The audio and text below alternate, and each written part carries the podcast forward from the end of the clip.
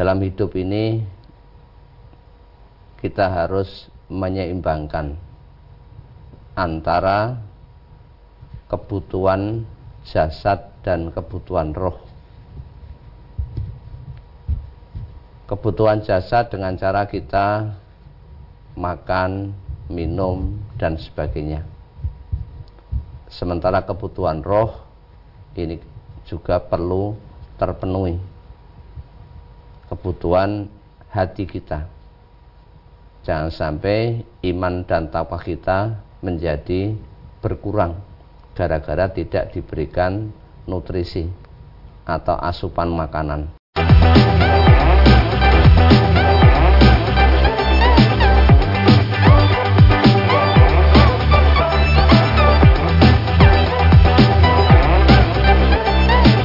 Bismillahirrahmanirrahim. Assalamualaikum warahmatullahi wabarakatuh.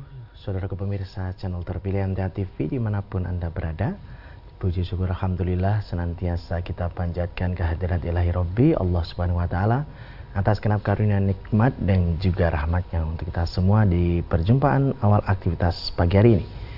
Kita jumpa kembali di program unggulan Fajar Hidayah dan Alhamdulillah sudah hadir Ustaz Muhammad Ghazali SPDI yang nanti akan melanjutkan pelajaran sekaligus memberikan pencerahan untuk kita semua di kesempatan kali ini. Assalamualaikum warahmatullahi wabarakatuh Ustaz. Waalaikumsalam warahmatullahi wabarakatuh. Kabar baik dan sehat pagi ini Ustaz. Alhamdulillah baik. Alhamdulillah baik. Dan pemirsa nanti bisa bergabung bersama kami di line telepon 02716793000 SMS dan juga di WA kami di 08 11 255 3000. Kita simak pelajaran kita pagi ini. Silahkan. Bismillahirrahmanirrahim. Assalamualaikum warahmatullahi wabarakatuh. Alhamdulillah Alhamdulillahirabbil alamin.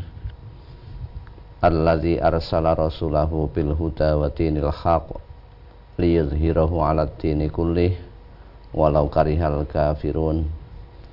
Asyhadu an la ilaha illallah wahdahu la syarikalah anna Muhammadan abduhu wa rasuluh. Allahumma salli wa sallim wa barik ala Muhammad wa ala alihi wa sahbihi ajma'in. Qala Allah Ta'ala fi kitabihil karim A'udhu billahi minasyaitonir rajim. Ya ayyuhalladzina amanu taqullaha haqqa tuqatih wa la tamutunna illa wa qala Rasulullah sallallahu alaihi wasallam ittaqillaha haitsu ma kunta wa atbi'is sayyi'atal hasanata tamhuha wa khaliqin nasa bi khuluqin hasanin. Alhamdulillah pada kesempatan pagi hari ini marilah kita selalu meningkatkan keimanan dan ketakwaan kita kepada Allah Subhanahu wa taala. Tentunya dengan cara apa-apa yang telah ditetapkan oleh Allah. Iman ini letaknya di dalam hati. Demikian juga dengan takwa. Dalam hidup ini kita harus menyeimbangkan antara kebutuhan jasad dan kebutuhan roh. Kebutuhan jasad dengan cara kita makan, minum, dan sebagainya. Sementara kebutuhan roh ini juga perlu terpenuhi. Kebutuhan hati kita Jangan sampai iman dan takwa kita menjadi berkurang gara-gara tidak diberikan nutrisi atau asupan makanan. Sebab hidup di dunia ini kadang-kadang orang kurang berpikir apa tujuan Allah menciptakan semua ini. Nah, bagi orang-orang yang paham orang-orang yang mengetahui tentang tujuan hidup dia juga akan berpikir ya, bahwa mulai dari kita berada di alam kandungan sebetulnya sudah masing-masing roh itu bersaksi kepada Allah dengan diberikan satu pertanyaan. Pertanyaan adalah untuk membuktikan. Jangan sampai nanti roh itu mengingkari janjinya. Dengan pertanyaan alastu birobbikum bukankah aku ini Tuhanmu? Kemudian roh tadi yang masih berada di dalam rahim tadi itu semuanya menjawab kolu bala syahidna. Jadi roh tadi menjawab dengan gamblang betul engkau Tuhan kami saya bersaksi. Ya. berarti orang masing-masing yang ada di dunia ini hakikatnya semuanya sudah punya modal. Punya modal untuk kecondongan di dalam melaksanakan agama jadi ketauhidannya sudah ada semuanya. Tinggal bagaimana potensi yang sudah ada dalam diri manusia itu disentuh. Kalau kekuatan beragama dalam diri manusia sudah disentuh, nanti dia akan mulai merespon untuk bisa mengikuti agama tadi dengan baik. Apalagi kita sebagai orang Islam ya, yang setiap saat berdoa kepada Allah di dalam kita mengerjakan sholat. Sehari semalam minimal yang kita baca sampai 17 kali. Apa doa kita? Ihdinas siratal mustaqim. Tunjukkanlah kepada kami ya Allah jalan yang lurus. Pada tiap-tiap jiwa. Fa'alhamaha fujuraha wa taqwaha. Qad aflaha man zakkaha wa qad khaba man dassaha Allah telah mengilhamkan kepada jiwa tadi pada waktu kita lahir ini sudah memiliki modal fitrah untuk beragama. Maka tinggal fitrah tadi kita kembangkan. Ya. Dikembangkan ke mana? Kepada jalan yang membawa kepada kebaikan atau jalan yang membawa kepada keburukan.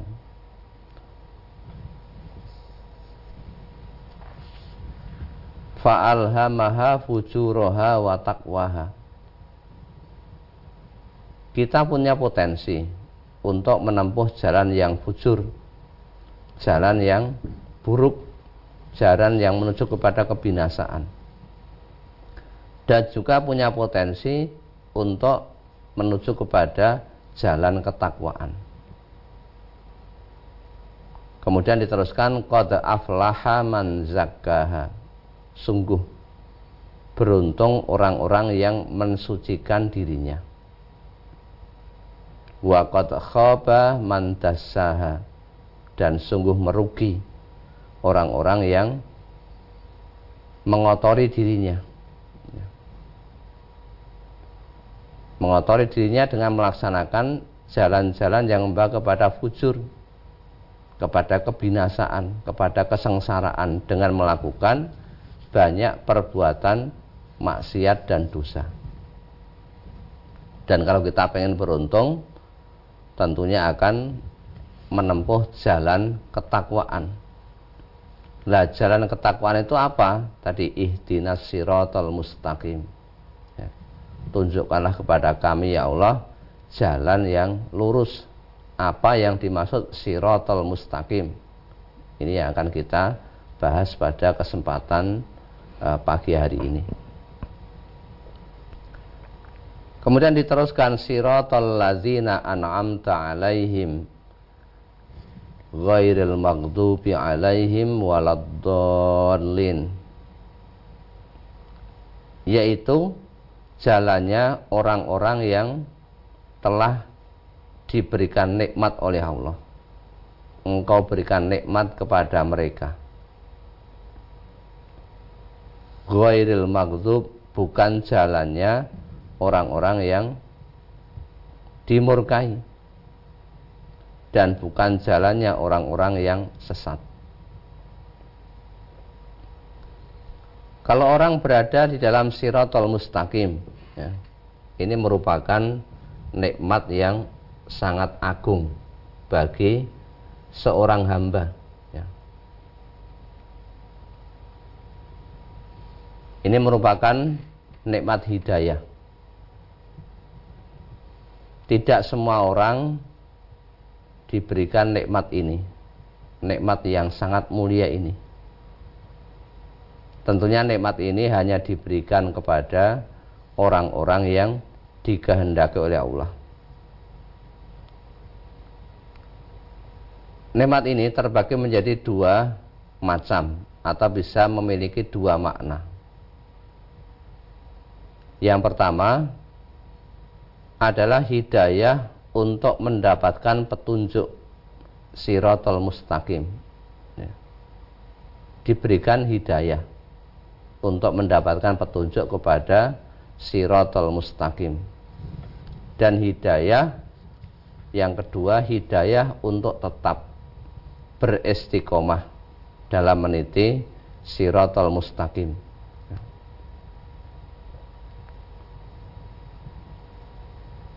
Ada beberapa ulama yang menyampaikan di antaranya Syekh Abdurrahman bin Nasir As-Sa'di. Ini beliau menjelaskan hidayah mendapatkan petunjuk siratul mustaqim adalah hidayah memeluk agama Islam dan meninggalkan agama-agama selain Islam. Adapun hidayah dalam meniti siratul mustaqim bisa mencakup keseluruhan dari pengilmuan dan pelaksanaan ajaran agama Islam secara terperinci. Ya.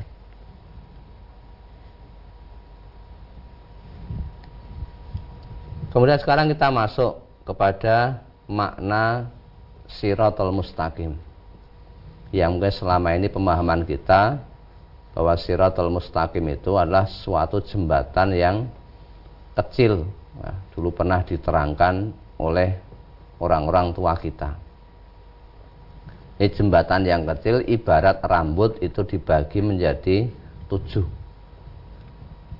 kemudian jembatan tadi sangat tajam dan guyang ugalagil. Apakah betul gambaran bahwa siratul mustaqim seperti itu? Ada beberapa ahli tafsir yang telah mensepakati bahwa siratul mustaqim itu maksudnya adalah jalan yang jelas yang tidak ada penyimpangan di dalamnya jalan yang cukup jelas. Maka salah satunya yakni Imam Ibnul Jauzi ini menjelaskan bahwa ada empat perkataan ulama tentang makna siratul mustaqim. Yang pertama adalah maksudnya siratul mustaqim itu adalah kitabullah ya. kitab Allah yang dimaksud adalah Al-Quran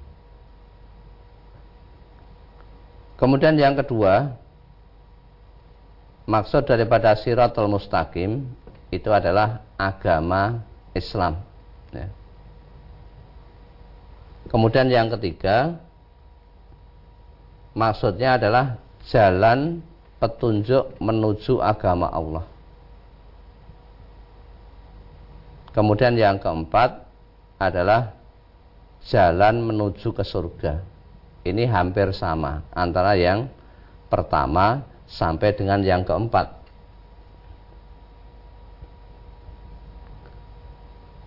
Kemudian Siratul Mustaqim itu sebetulnya hanya satu ya. Siratul Mustaqim merupakan jalan kebenaran Jumlahnya hanya satu Tidak berbilang Kalau kita melewati jembatan Menuju ke suatu tempat Kadang-kadang banyak jembatan-jembatan yang kita lalui. Tetapi Siratul Mustaqim yang sering kita berdoa Ini hanya satu.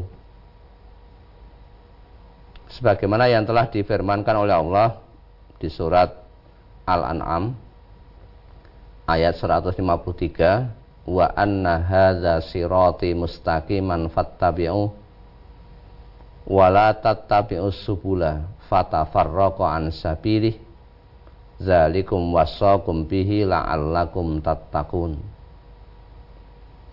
dan bahwa yang kami perintahkan ini adalah jalanku yang lurus yang dimaksud adalah Al-Quran tadi. Fattabi'uhu, maka ikutilah ia.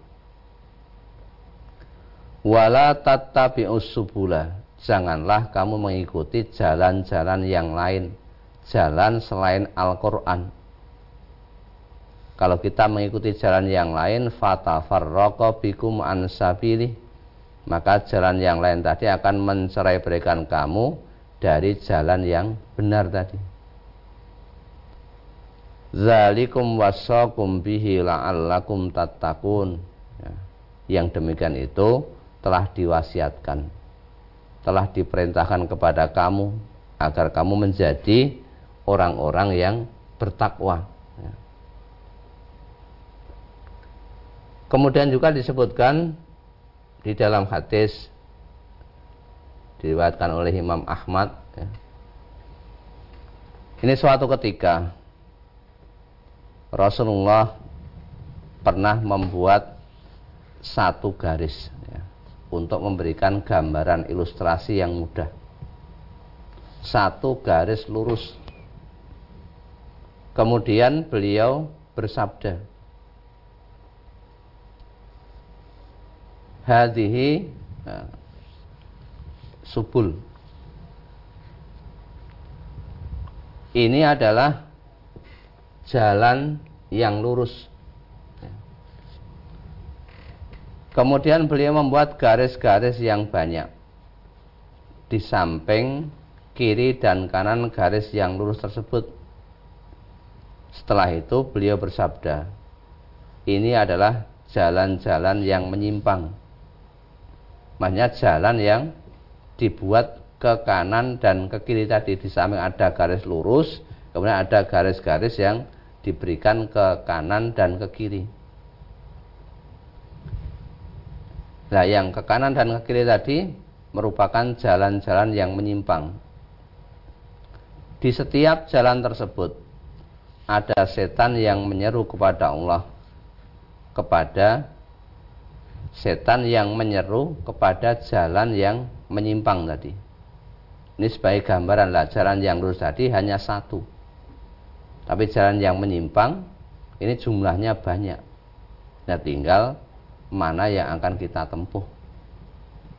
Tentang masalah tadi sirotol mustaqim. Ini bisa memiliki makna yang sudah kami sebutkan tadi. Bisa berarti kita bunuh Al-Quran bisa berarti agama Islam atau jalan petunjuk menuju kepada agama Allah atau jalan menuju surga. Itulah yang dimaksud dengan Al-Quran kemudian dikuatkan tadi bahwa jalan-jalan tadi yang dimaksud adalah Al-Quran pada surat Al-An'am ayat 153 wa anna hadza sirati mustaqiman fattabi'uh tadi. Dan ini Al-Quran adalah jalanku yang lurus maka ikutilah ia atau agama Islam bisa berarti itu ikutilah ia Jangan mengikuti jalan-jalan yang lain yang akan menjerumuskan kepada kesengsaraan di dalam kita nanti memasuki alam akhirat. Ya, sementara itu. Ya. Baik pemirsa, kami harapkan Anda bisa bergabung bersama kami di line telepon 02716793000, SMS dan juga di WA kami di 08 11 255 Namun sebelumnya kita akan simak beberapa informasi dalam rangkaian jeda pariwara berikut ini. Baik saudaraku pemirsa channel terpilih MTA TV di mana pun Anda berada, terima kasih Anda masih setia bersama kami, khususnya di program unggulan Fajar Hidayah pagi ini. Kesempatan pertama kami persilakan di line telepon 02716793000 untuk bisa bergabung. Halo, Assalamualaikum. Halo, Assalamualaikum. Waalaikumsalam warahmatullahi wabarakatuh. Dengan Bapak siapa di mana? Dengan Bapak siapa di mana? Dari Pak Ujang di Sumatera Selatan. Pak Ujang Sumatera Selatan, silakan. Sumatera Selatan. Silakan. Assalamualaikum warahmatullahi wabarakatuh Pak Ustaz. Waalaikumsalam warahmatullahi wabarakatuh. Silakan Pak Ujang.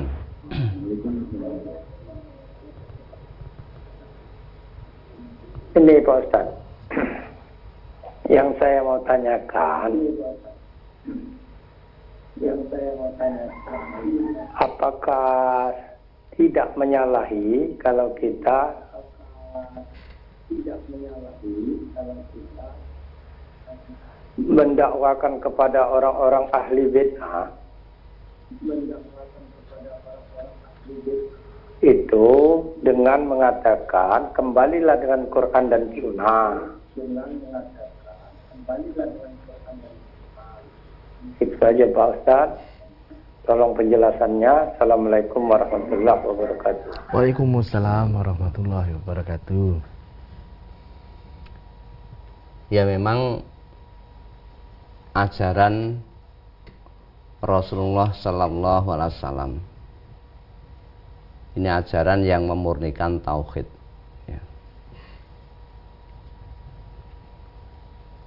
Ajaran agar orang tersebut tidak berbuat syirik. Maka akidahnya ini perlu di murnikan. Tetapi memang ada beberapa orang ya karena mungkin kurangnya pengetahuan ya, atau mungkin mengikuti dari para pendahulunya. Apabila diajak untuk kembali kepada Al-Quran, diajak kembali kepada As-Sunnah, dia mengatakan sebagaimana yang ada di surat Al-Baqarah ayat 170 ya. Di situ dikatakan wa iza lahum dan apabila dikatakan kepada mereka ittabi'u ma anzalallah ikutilah apa yang telah diturunkan oleh Allah hanya kembali kepada Allah apa yang dimaksud adalah Al-Quran. Al-Quran disampaikan oleh Rasul. Kembali kepada Allah, kembali kepada Rasul. Qalu. Nah orang-orang yang diseru tadi, orang-orang yang diajak tadi, langsung menolak. Bal nattabi'u ma alfaina alaihi aba'ana. Tidak. Kami tetap mengikuti apa yang telah kami dapati dari bapak-bapak kami mengerjakannya. Ini namanya kan orang yang tidak mau berubah. Mengikuti adat kebiasaan yang ada di masyarakat. Padahal itu tidak sesuai dengan Islam. Awalau kana aba'uhum la ya'kiluna syai'aw wa la yahtadun. Ya. Apakah mereka juga akan mengikuti?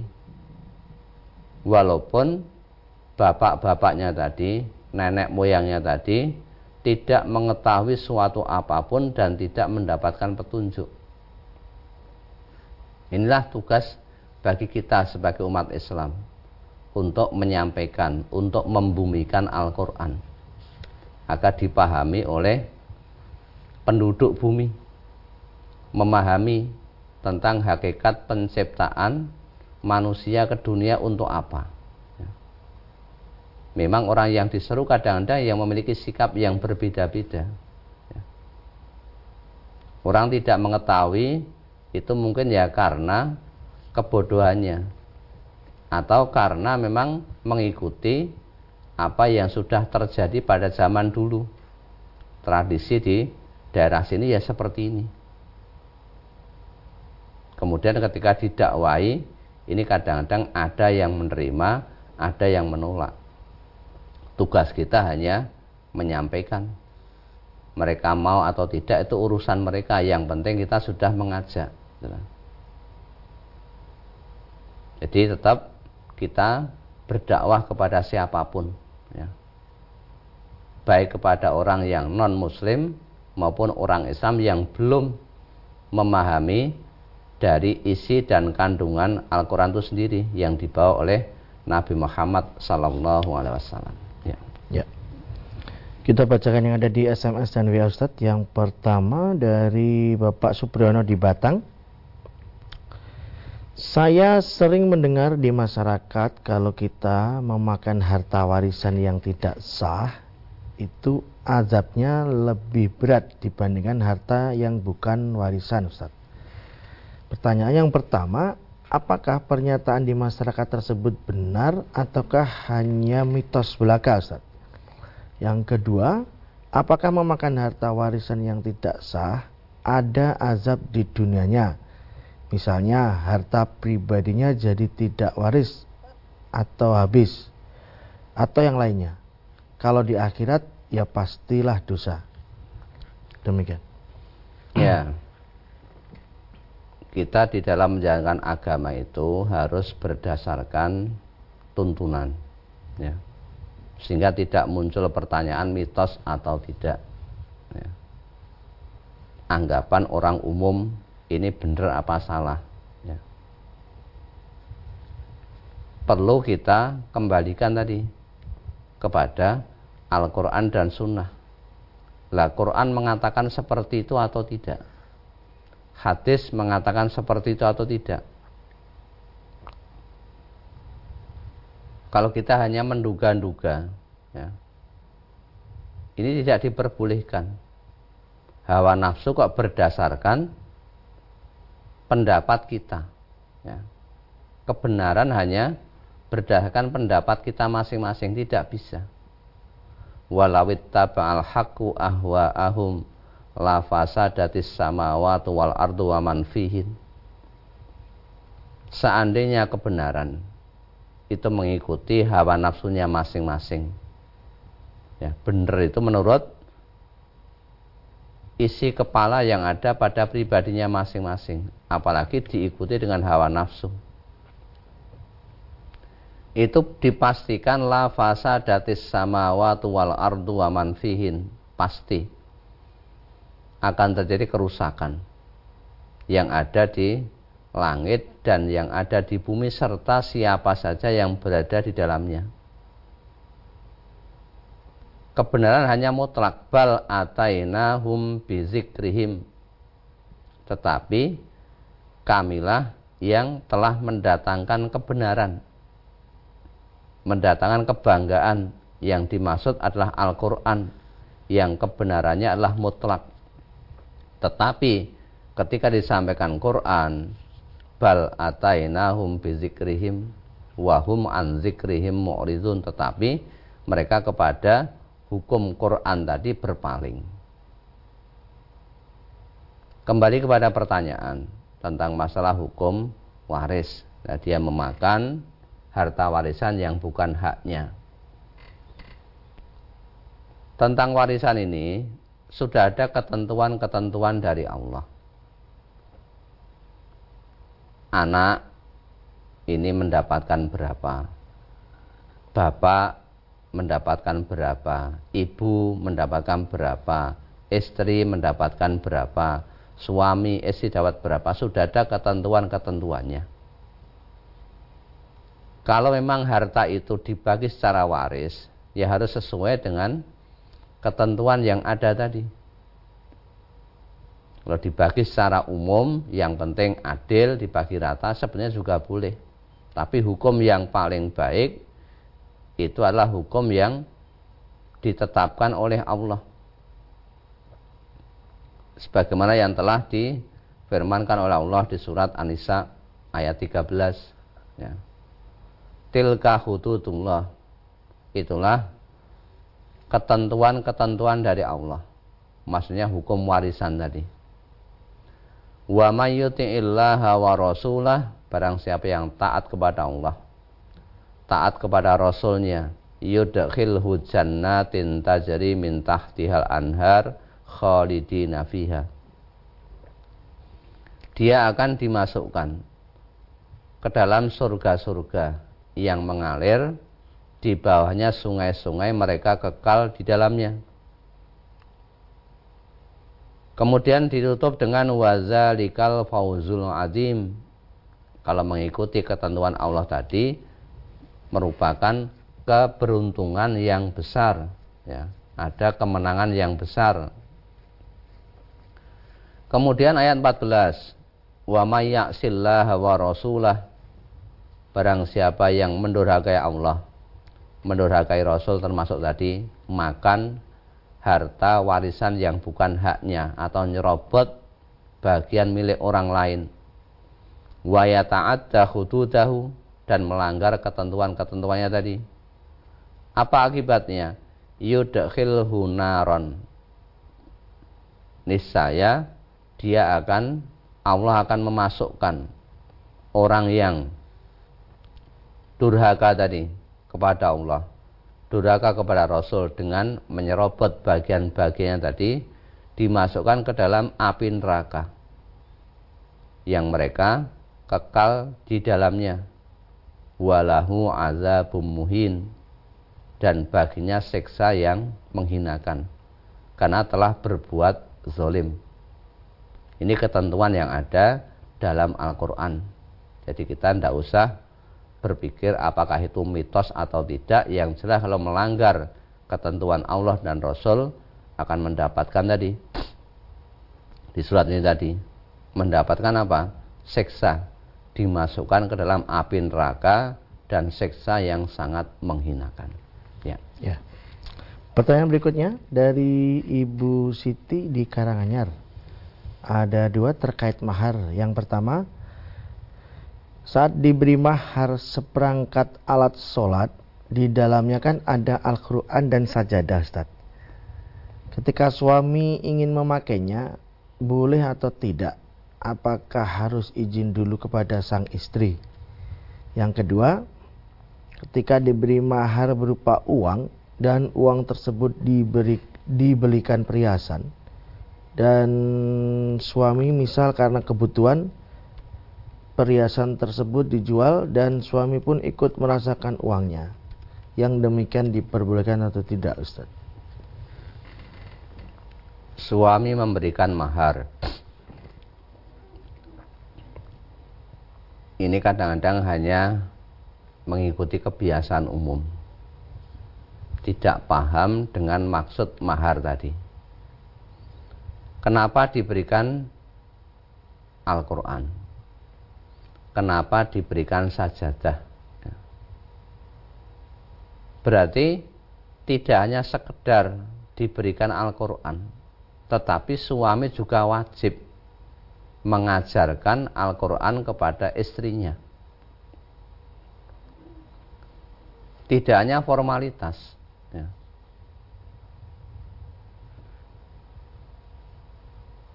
Ya ayuhalladzina amanu ku pusakum wa ahlikum naro.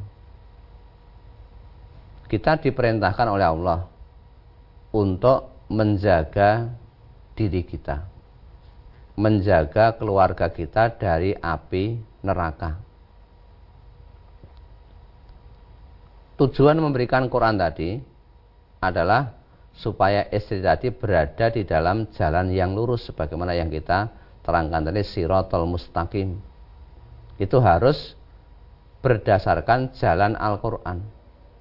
Ya. Ini fungsi daripada Quran.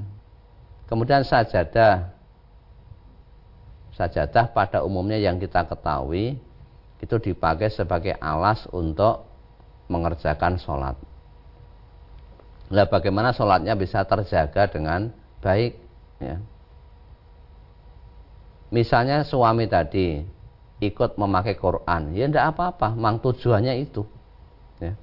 Tujuannya untuk membimbing istrinya kepada jalan yang benar. Ini merupakan tugas pokok dari seorang suami. Tidak hanya sekedar simbol diberikan Quran, diberikan sajadah, tapi ternyata dalam kenyataan ini suaminya tidak mengajarkan Al-Quran dan tidak membimbing ke arah sholat bahkan suaminya malah tidak sholat. Hanya sebagai formalitas saja. Jadi dia tidak paham maksud memberikan mahar tadi untuk apa kemudian yang kedua uang kemudian uangnya tadi dipakai untuk membeli perhiasan kemudian suatu ketika mungkin ekonominya agak seret atau ada kekurangan ekonomi, perhiasnya dijual, dipakai untuk makan. Lah suami ikut menikmati boleh tidak ya boleh saja. Ya, ya tidak masalah karena memang kondisi yang mendesak seperti itu.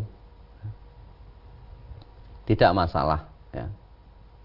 Selama memang diberitahu tadi bahwa ini merupakan uang mahar ya karena mungkin karena faktor ekonomi dan sebagainya tadi perhiasnya dijual kemudian dibelikan kebutuhan pokok ya tidak masalah tadi yang pertama tadi ini yang perlu kita uh, pahami jangan sampai hanya merupakan uh, simbol atau formalitas ketika orang nikah perlu diberikan Quran dan sajadah tapi di balik itu ada apa maknanya tadi ya baik masih ada kesempatan berikutnya dari Bapak Sujadi di Jambi Ustadz saya pernah sholat witir baru dapat dua rakaat sudah mendengar adzan.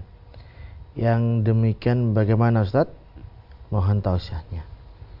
Ya, ketika kita mengerjakan sholat, sholat apa pun, baik sholat wajib maupun sholat sunnah, ketika sudah masuk waktunya, bukan waktunya lagi.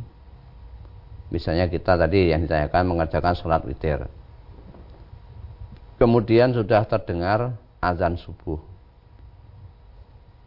Diteruskan apa tidak? Tetap sholatnya diteruskan. Ya. Baru dapat dua ya ditambah lagi satu rakaat. Di dalam hadis disebutkan kalau kamu takut akan masuk kepada sholat subuh karena waktunya sudah mepet, ya, misalnya sekarang subuh jam 4 lebih 20 misalnya atau 25 ya. Kita ngerti bahwa sebentar lagi akan masuk waktu subuh, maka cukup berwitir satu rekaat itu sudah mencukupi. Tidak usah mengerjakan witir sejumlah tiga rekaat karena nanti dikhawatirkan sudah masuk waktu subuh kalau sudah terlanjur ya dilanjutkan. Witirnya tadi menjadi uh, tiga rakaat karena witir itu artinya ganjil. Kalau dua dicukupkan namanya bukan witir lagi. Ya. Ya. Ya. Kami persilakan di line telepon kembali di 6793000. Halo, Assalamualaikum. Halo, Assalamualaikum. Ya, baik. Kita bacakan lagi Ustaz yang ada di SMS dan WA dari Bapak Mail di Medan menanyakan tentang akikoh. Saya diundang akikoh hari ketujuh, tetapi akikoh untuk acara. Apakah boleh mendatangi Ustadz acara tersebut? Yang kedua, kita diberi kunjungan akikoh, tapi bukan hari yang ketujuh. Apakah boleh dimakan Ustadz? Maksudnya tadi untuk acara-acara apa tadi? Ya. ya, tentang masalah akikoh. Ini kan urusan juga ibadah udhiyah ibadah yang berbentuk sembelian Rasulullah menuntunkan tentang masalah akikoh ini adalah sesuai dengan hadis yang sahih dikerjakan pada hari yang ke-7 semenjak dari hari kelahirannya. Itu menyembelih binatang akikoh. Binatang akikoh tidak disyaratkan sebagaimana yang ada pada binatang kurban. Ya, ini beda. Kemudian dalam akikoh ini tentang masalah pembagiannya. Ya. Ini hanya teknis mau dibagi matang juga boleh, dibagi mentah juga boleh. Tapi semuanya tentunya juga ada efeknya. Ya, kalau dibagi matang, kadang-kadang mengundang orang untuk menyumbang ya. maka silahkan yang mengetahui adalah pribadinya masing-masing mau dibagi mentah juga baik dibagi matang juga baik karena kita sedang beribadah maka jangan sampai malah kita ibadah niatnya malah mendapatkan keuntungan ya. misalnya harga kambing satu juta lima ratus nah ternyata sumbangannya dapat dua juta lima ratus sehingga tidak jadi beribadah Kemudian kita diberi dagingnya tadi. Ya kalau sembeliannya tadi disembelih pada hari yang ketujuh sebagaimana yang dituntunkan oleh Rasulullah ya berarti boleh kita memakan dari uh, sembeliannya tadi dan kadang-kadang kan juga diberi yang lain tidak hanya daging tapi juga diberikan telur diberikan mie, sambal goreng dan sebagainya lain-lain itu itu ya boleh dimakan ya. Nah kalau tidak pada hari yang ketujuh atau mungkin ngakikoi mbahnya yang sudah meninggal ya sudah kita tinggalkan sembelian tadi yang lain-lain yang namanya kerupuk telur dan sebagainya boleh untuk dimakan itulah aturan yang ada dalam uh, Islam tadi ya Baik Ustaz kami sampaikan terima kasih atas pelajaran dan juga tausiahnya di kesempatan kali ini. Assalamualaikum warahmatullahi wabarakatuh. Waalaikumsalam warahmatullahi wabarakatuh. Baik saudaraku pemirsa channel terpilih MTA TV di mana pun anda berada Demikian tadi telah kita simak dan bersama program unggulan Fajar Hidayah pagi ini. Kita jumpa kembali di kesempatan mendatang dan saya Tomel Fatoni pamit undur. Alhamdulillah Alamin Subhanakallahumma wa bihamdika Asyadu an la ilaha illa anta astagfirika wa Assalamualaikum warahmatullahi wabarakatuh